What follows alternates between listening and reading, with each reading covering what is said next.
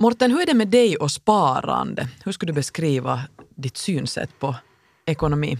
Jag skulle nog säga att jag är ganska bra på ekonomi, eller så huslig ekonomi. Men i det här fallet så det är ju, det är ju inte bara jag, utan det är ju hela min familj. Vi har en gemensam ekonomi. Men jag skulle säga att det är som många andra familjer, vad jag har förstått, så är det ganska nog ändå lever vi från hand till mun. Mm.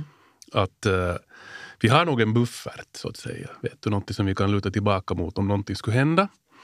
Men inte någonting som ger någon betydlig avkastning, utan uh, vet du, bara som finns där. Som, Mm. vi, som, vi håller skick, så vi håller vår ekonomi i skick. Precis, så ni lägger undan alltid lite i Ja. mån av möjlighet så Ja. att säga. Men, men, men det här med att spara, nej, det är nog inte någonting som jag egentligen har ens funderat på. Hur är det med dig då?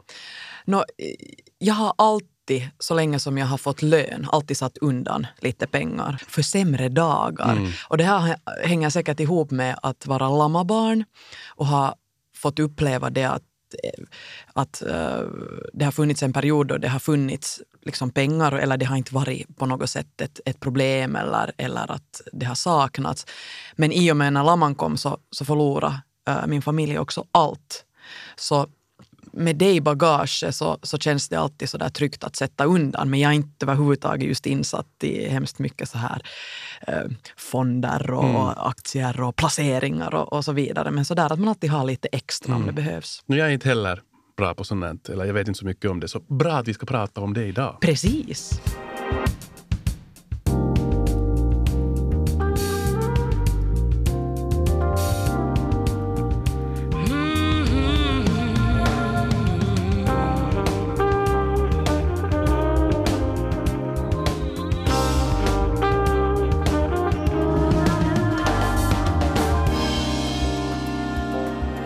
Idag ska vi tala om att se över sin ekonomi och göra upp en plan på kort och på lång sikt sparande.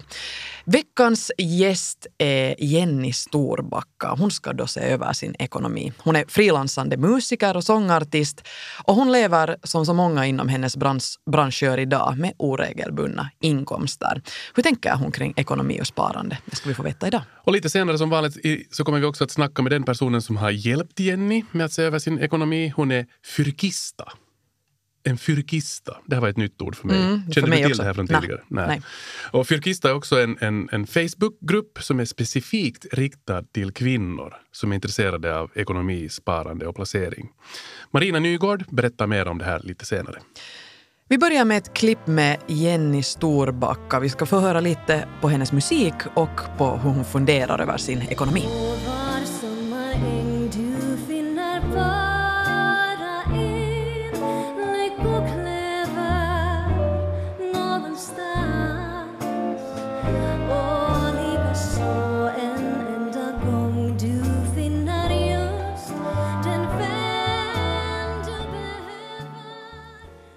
Tycker själv att jag är rätt så bra på att spara så länge jag har ett specifikt mål.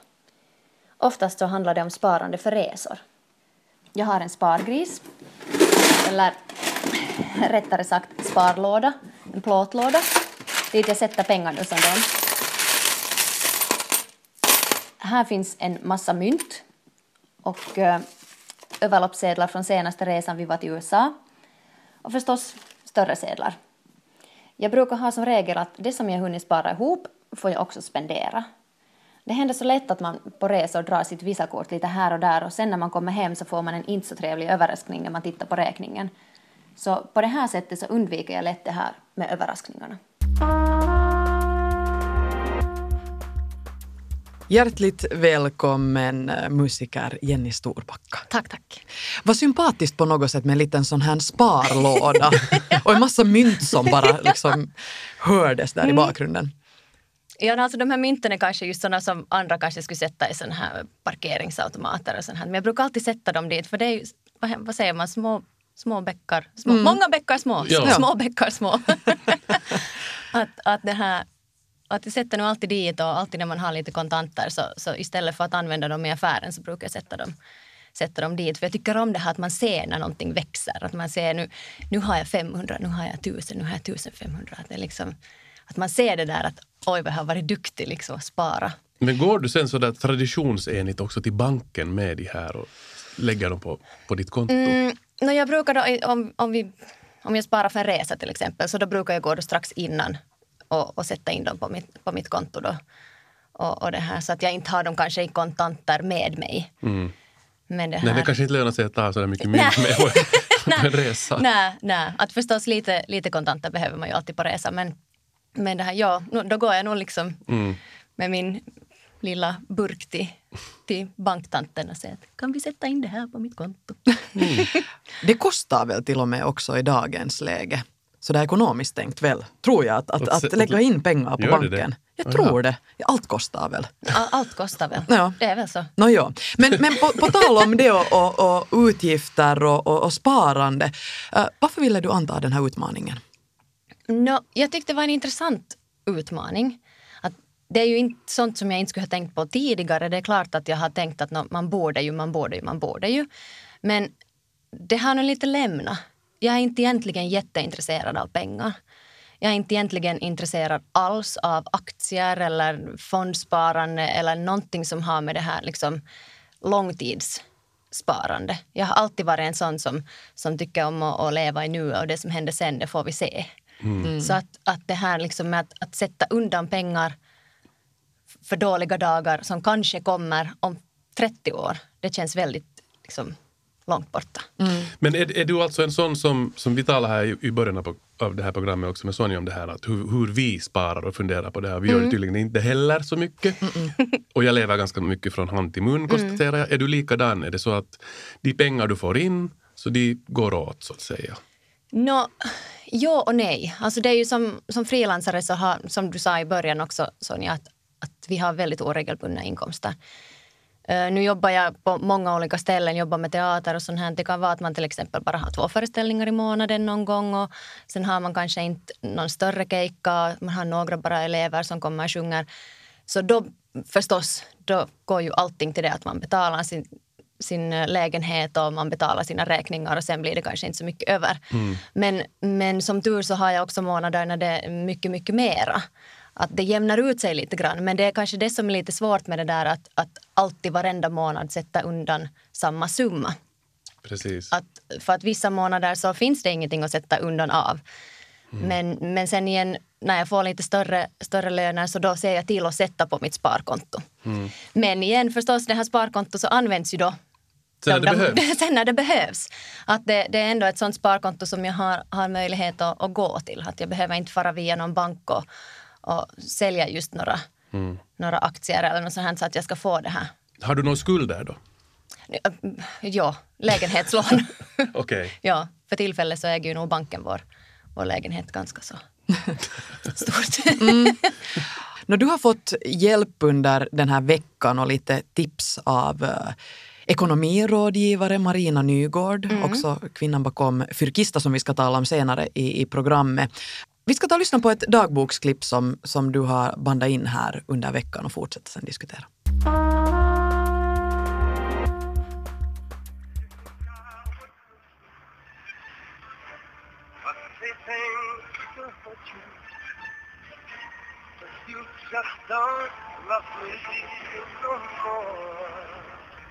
Ennen asiakaspalveluun yhdistämistä kerro muutamalla sanalla, miten voimme auttaa.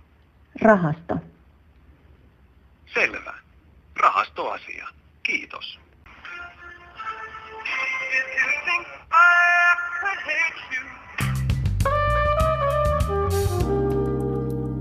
Ja, där, där såg vi hur du faktiskt ringde till banken. Försökte i alla fall. Okej, Ja, jag har suttit och lyssnat på Michael Bublé hur länge som helst. en klassiker. En klassiker, ja. Jag kan hela låten utan till nu. Ehm, ja, jag, jag försökte ringa till banken och få lite hjälp med det här att, eh, vad ska man nu säga, investera i en fond. Att i och med nu vad, vad Marina har skickat till mig och vad vi har pratat så, så det här så började jag också prata med min sambo om det här och, och det här han sa att ja, men han sparar ju faktiskt i någon slags fond. Att han har helt glömt bort det här. Att det är så länge sedan han har, han har tagit den här i, i, i bruk. Så jag sa, men vad är det för fond då? Men jag ska ta den här samma. Så jag tänkte nu ringa då dit och, och, och fråga att hur ska jag göra för att jag ska göra det här rätt? Och hur ska jag göra så att jag behöver göra så lite som möjligt? Att någon annan sköter det för mig. Så det var nu det som jag skulle försöka ringa till banken och Fick du hjälp och, och ledde det här till någonting? No, de svarar ju inte, det var ju ganska lång väntetid. Så, så det, det, det, liksom, det blev nu där då, men, men det där var igår. Så att... eh, Du hinner ännu. Jag hinner ännu. Det är ju inte liksom... Det, det, det går ju inte ut. Det är ju inte liksom att nu måste jag göra det imorgon eller idag annars så får jag aldrig någon fond att spara i. Så det, här, det, det, är liksom, det är på min lista, det är högst upp nu att få tag i dem och inte lyssna på Michael Bublé i en halvtimme. Nå, om det där stod på din lista, vad annat stod på din lista då med, med tanke på den här utmaningen att se över sparande? No, det som, som vi pratade med Marina om, det, det tyckte jag var intressant när hon sa att eller hon frågade att har du långtid, eh, långsiktiga planer för, för ditt eh, yrke, för din karriär? Så säger jo, det har jag. Nå, har du det för, för dina besparingar? Nej, det har jag inte. så, så kanske just liksom att man på något sätt skulle kunna sätta ihop de här. Att eftersom att jag ändå tänker långsiktigt med min karriär så, så är, är ju tanken där ändå att, att man, man ska finnas till och man ska leva ännu länge. Så varför skulle man inte tänka på sin ekonomi också?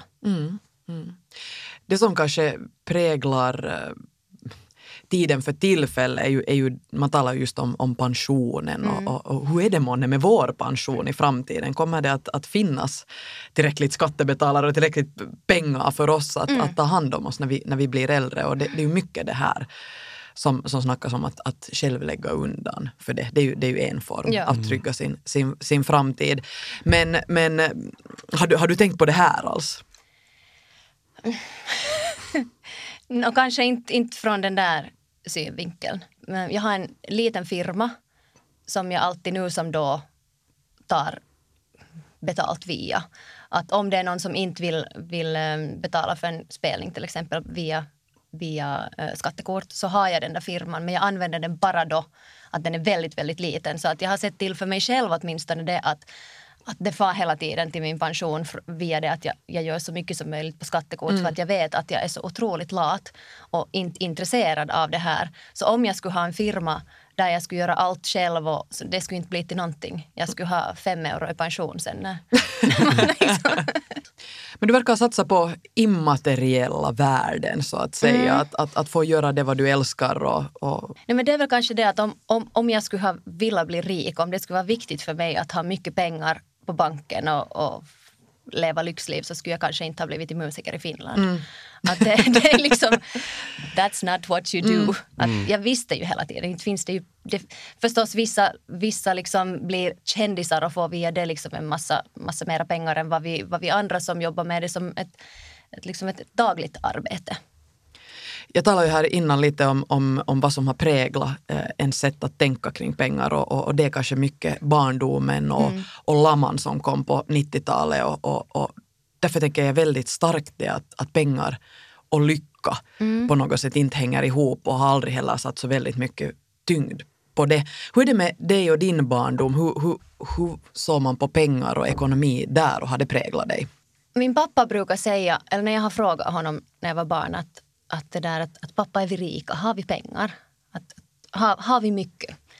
Så brukar han säga att, att om vi pratar pengar så har vi nog inte så mycket, men om vi pratar kärlek så är vi rikast i världen. Så att jag tror att det här är kanske liksom det som, som har präglat mig då, just det här att det är inte så viktigt med pengar så länge vi mår bra. Att förstås, det hjälper ju till.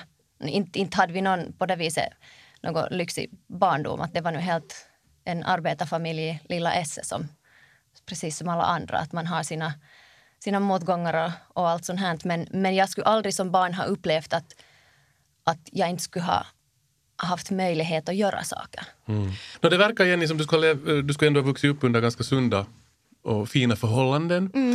Men nu talar vi ändå pengar. Vi ska fortsätta Ja. tala pengar. Eh, Nu ska vi vara man- förnuftiga. Ja, nu ska vi vara förnuftiga. Nu ska vi tala om, om hur man ska kunna spara och kanske också eh, få lite avkastning för det. Så vi ska ta in den personen som ju har hjälpt dig här under den här tiden. Marina Nygård som är alltså ekonomisk rådgivare på Martaförbundet. Vi ska be att hon kommer in.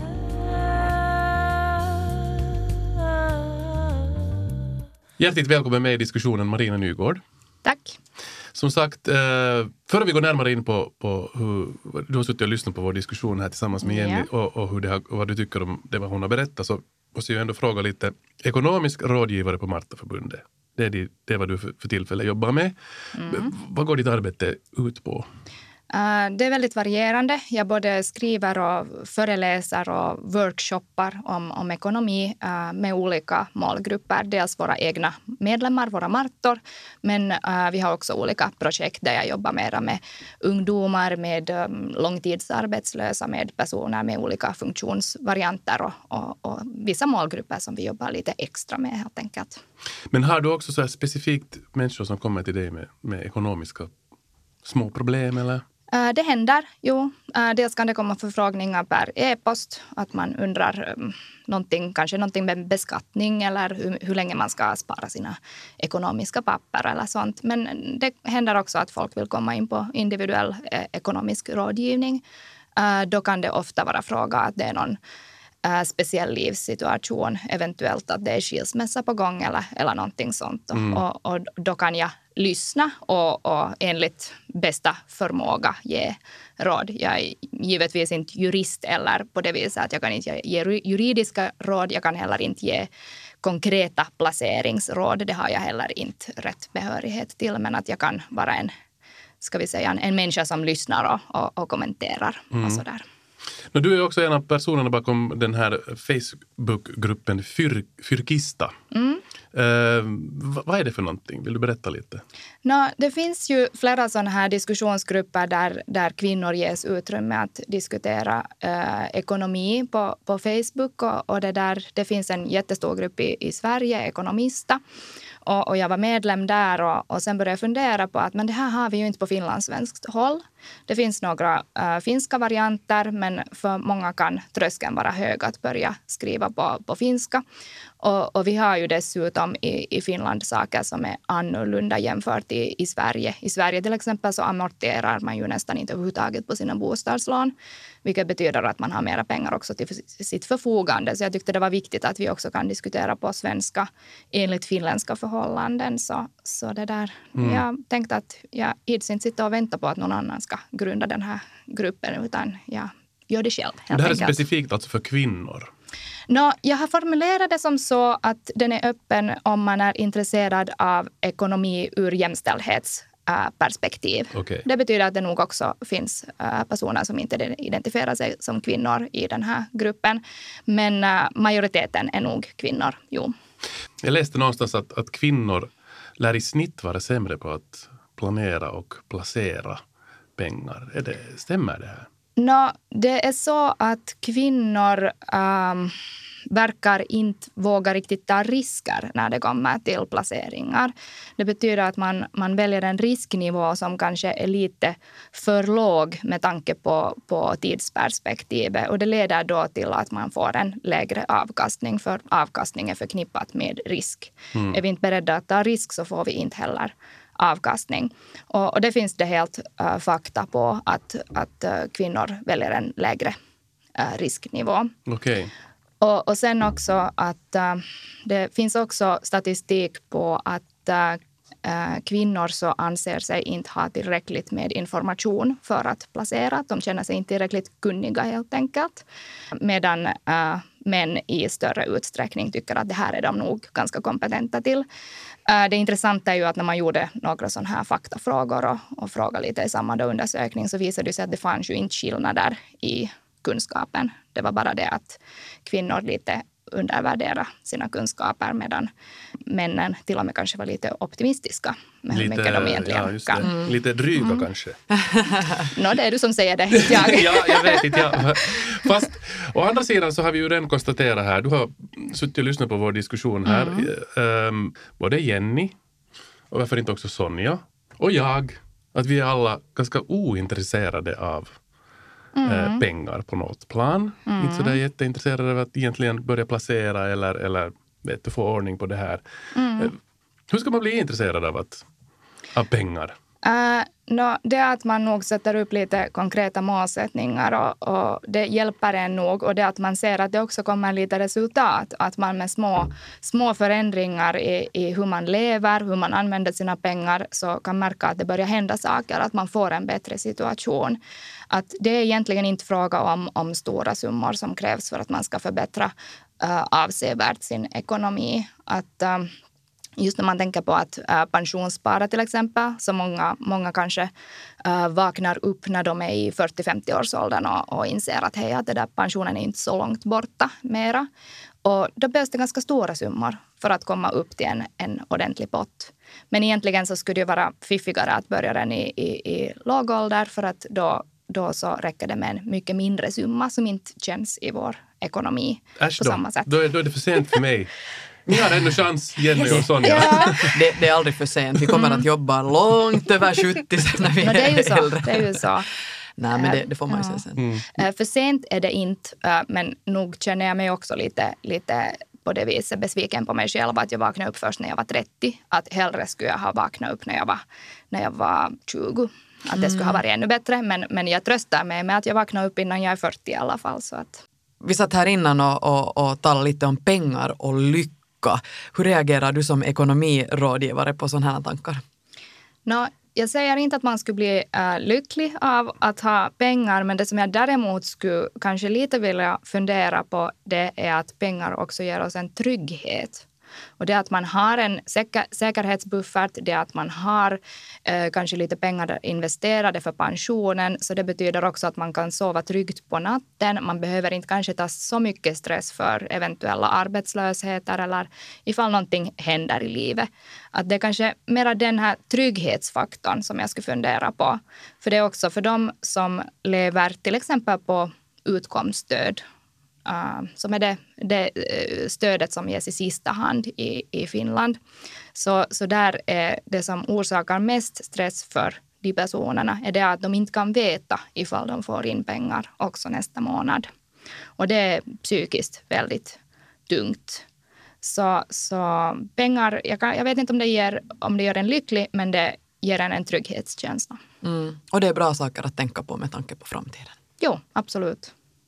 No, eh, Marina, vad tycker du om Jennys uppvaknande nu, den här, den här veckan? No, det är ju jättebra att hon har tagit tag i det här och börjat fundera lite på fonder och, och, och, det där och, och ringt till banken. Att, uh, jättebra på, på alla sätt och vis. Och nu skulle det bara då gälla att komma till det här också konkreta. Att få, få skaffa en, en, någon form av fond. Och, och det där. Jag funderar just på det som, som ni pratade om, om det här med att man har sitt, ett yrke som också är någon form av kall.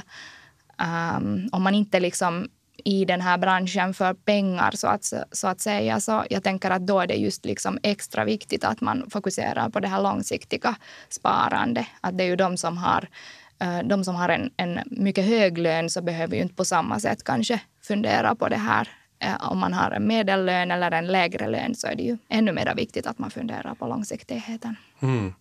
Är det någonting specifikt du reagerar på här när du lyssnar på, på när Jenny berättar om hur hon, hennes vardag ser ut när det kommer till, till pengar? Förutom det här att, att hon kanske ibland lever lite från hand till mun och ibland har hon lite mera. Att, hur, hur- ska hon, hur ska hon egentligen få ordning på det här? No, den här säkerhetsbufferten är ju nog äh, jättebra att ha. Och, och det där, ehm, kanske lite äh, skulle jag kanske också rekommendera att om man vill spara till resor så kan man kanske också göra det på konto utöver den här sparlådan som ju också är bra. ja. Men, att, men att till exempel att sätta en summa varje månad som då ska till, till, till resor. Att en, en god idé kan ju vara till exempel att ha ett nöjeskonto med sin sambo. Att man har ett konto som, dit man alltid sätter pengar och som, som man då får använda till, till sånt som är trevligt.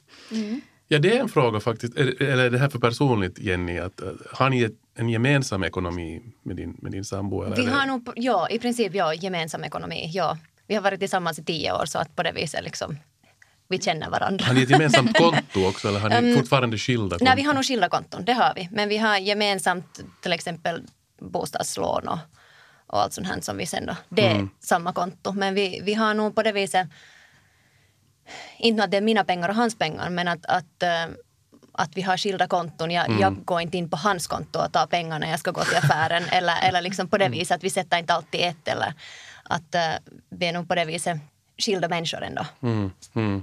Hur, hur låter det här Marina? Är det här vettigt? Uh, det finns många olika åsikter om det här. Uh, huvudsaken tycker jag att man har diskuterat fram till vad som gäller. För det värsta är att leva i någon slags liksom limbo där man inte har bestämt att det här är mina pengar eller dina pengar. Men vad skulle vara ekonomiskt eh, vettigast? Så där man vill faktiskt, så där ur pengasynvinkel? Uh, no förstås ska man hålla koll på att båda liksom får sina egna besparingar också och att man har sina egna pengar. Att uh, det skräckscenario är ju det att en tjänar avsevärt mycket mera och en tjänar mindre och att man ändå har liksom egna besparingar och att den ena då kommer att få, få väldigt mycket mera. Eller, och den andra då lämnar med ingenting.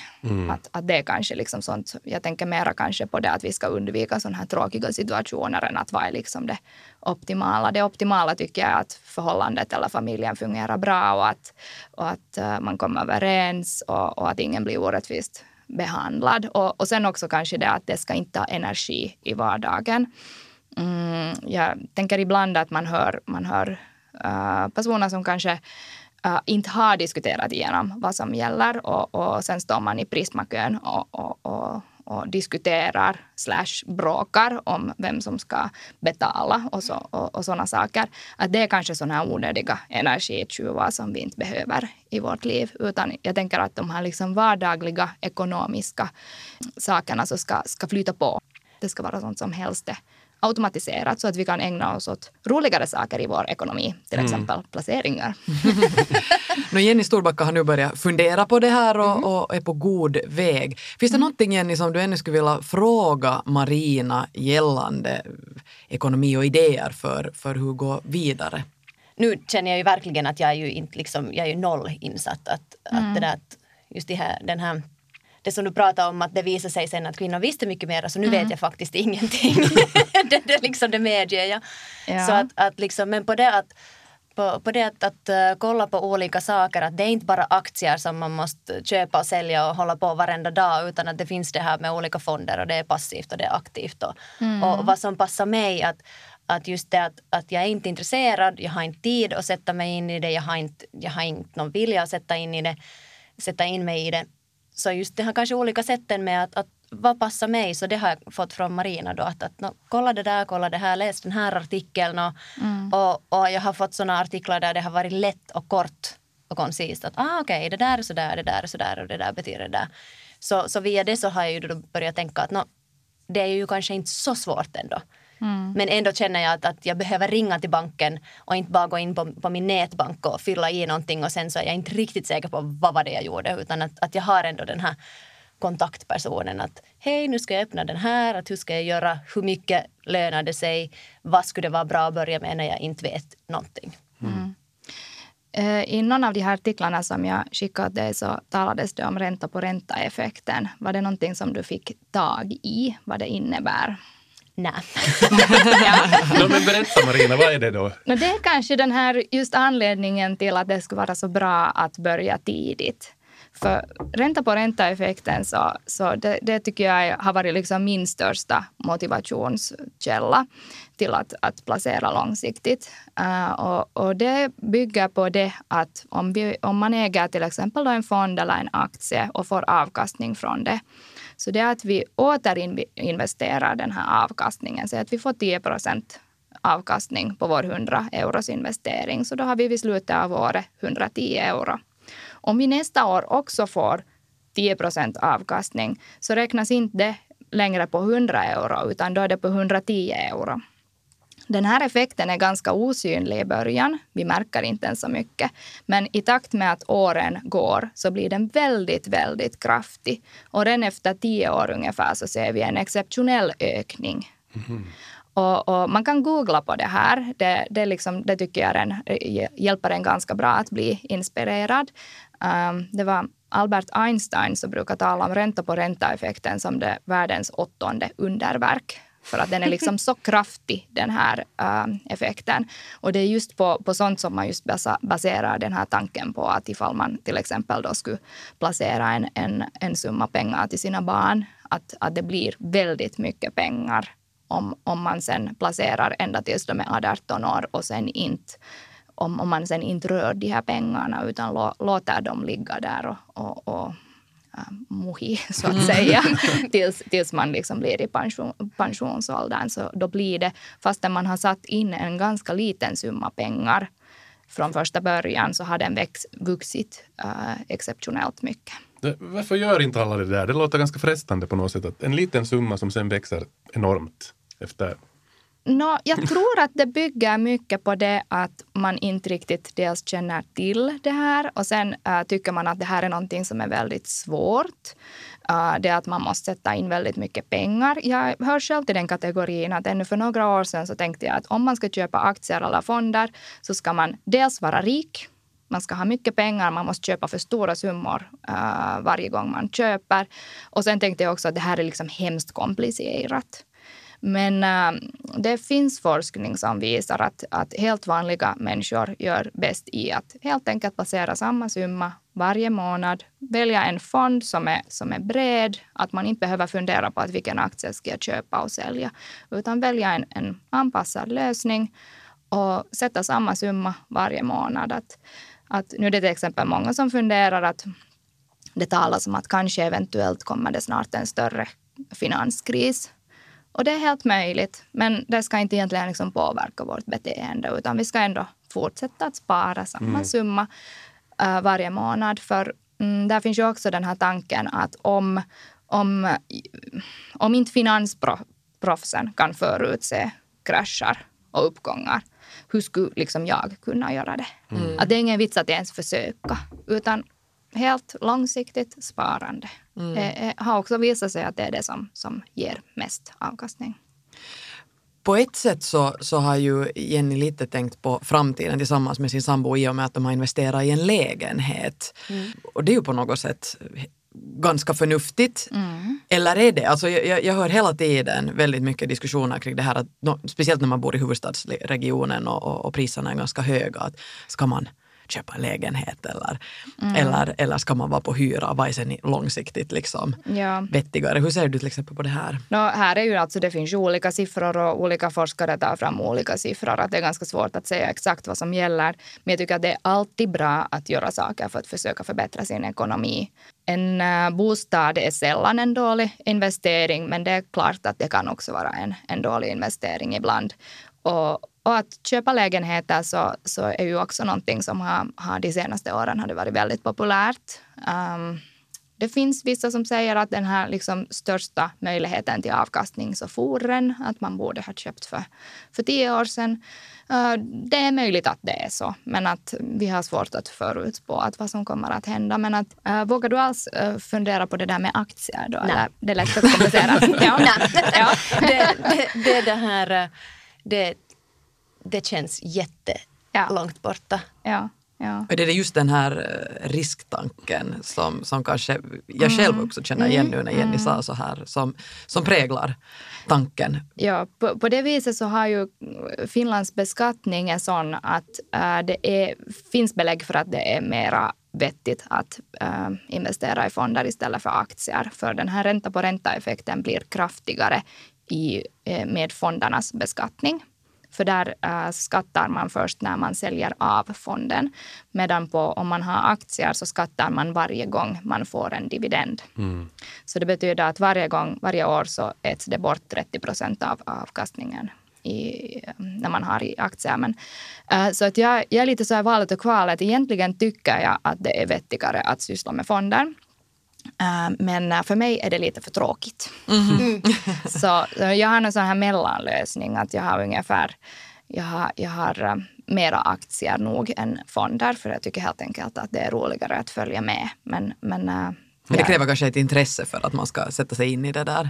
men det är ett intresse som jag aldrig har haft tidigare men som har fötts i och med att jag har köpt lite aktier. Man, man blir mer intresserad av att följa med de här företagen om man också äger dem, så att säga. Nu äger det, nu låter det som att jag skulle äga hela börsföretag, det gör jag förstås inte. Men, men det är ganska roligt och, och det här är ju för mig, jag har absolut aldrig i- tidigare varit intresserad av ekonomi. Att det här är ett eh, intresse som har fötts för några år sedan. Vi, vi snackar ungefär tre, fyra år som jag varit intresserad av Okej, här så man kan bli intresserad från det att man inte har varit alls intresserad, bara man lite sätter sig in. No, man kan det. Alltså För mig har det blivit en hobby. Och nu har jag ju tu- tur att jag får jobba med de här sakerna också på Marteförbundet. Men att, att äh, det har nog börjat som en hobby, hur, hur absurt det än låter. Men att, att ja, man, kan vara, man kan ha ekonomi som en hobby också. Jenny, kan man säga att du har kommit till någon form av insikt under den här utmaningsperioden? No, visst kan man säga det, åtminstone att jag har fått en spark i rätt riktning. Att, att, liksom, att man ringer banken och att man verkligen börjar titta på de här olika, olika fonderna och olika sätten man kan spara på. Att, som jag sa, det är ingenting jag inte skulle ha tänkt på förr. Men, men nu tänker jag lite extra på det. Och det är kanske just den här extra kicken som man ibland behöver för att verkligen göra det. Vi önskar alla lycka till på färden Tack. och hoppas att, eh, ja, Att vi blir rika. Att vi blir rika, ja. Att vi alla blir rika. Att vi alla blir rika. Tack så mycket till dig Marina Nygård Tack. för, för det här och eh, Jenny Storbacka för att du antog den här utmaningen. tack, tack. Ja, ni har lyssnat på Efter nio och vi hörs igen nästa gång med nya gäster och utmaningar.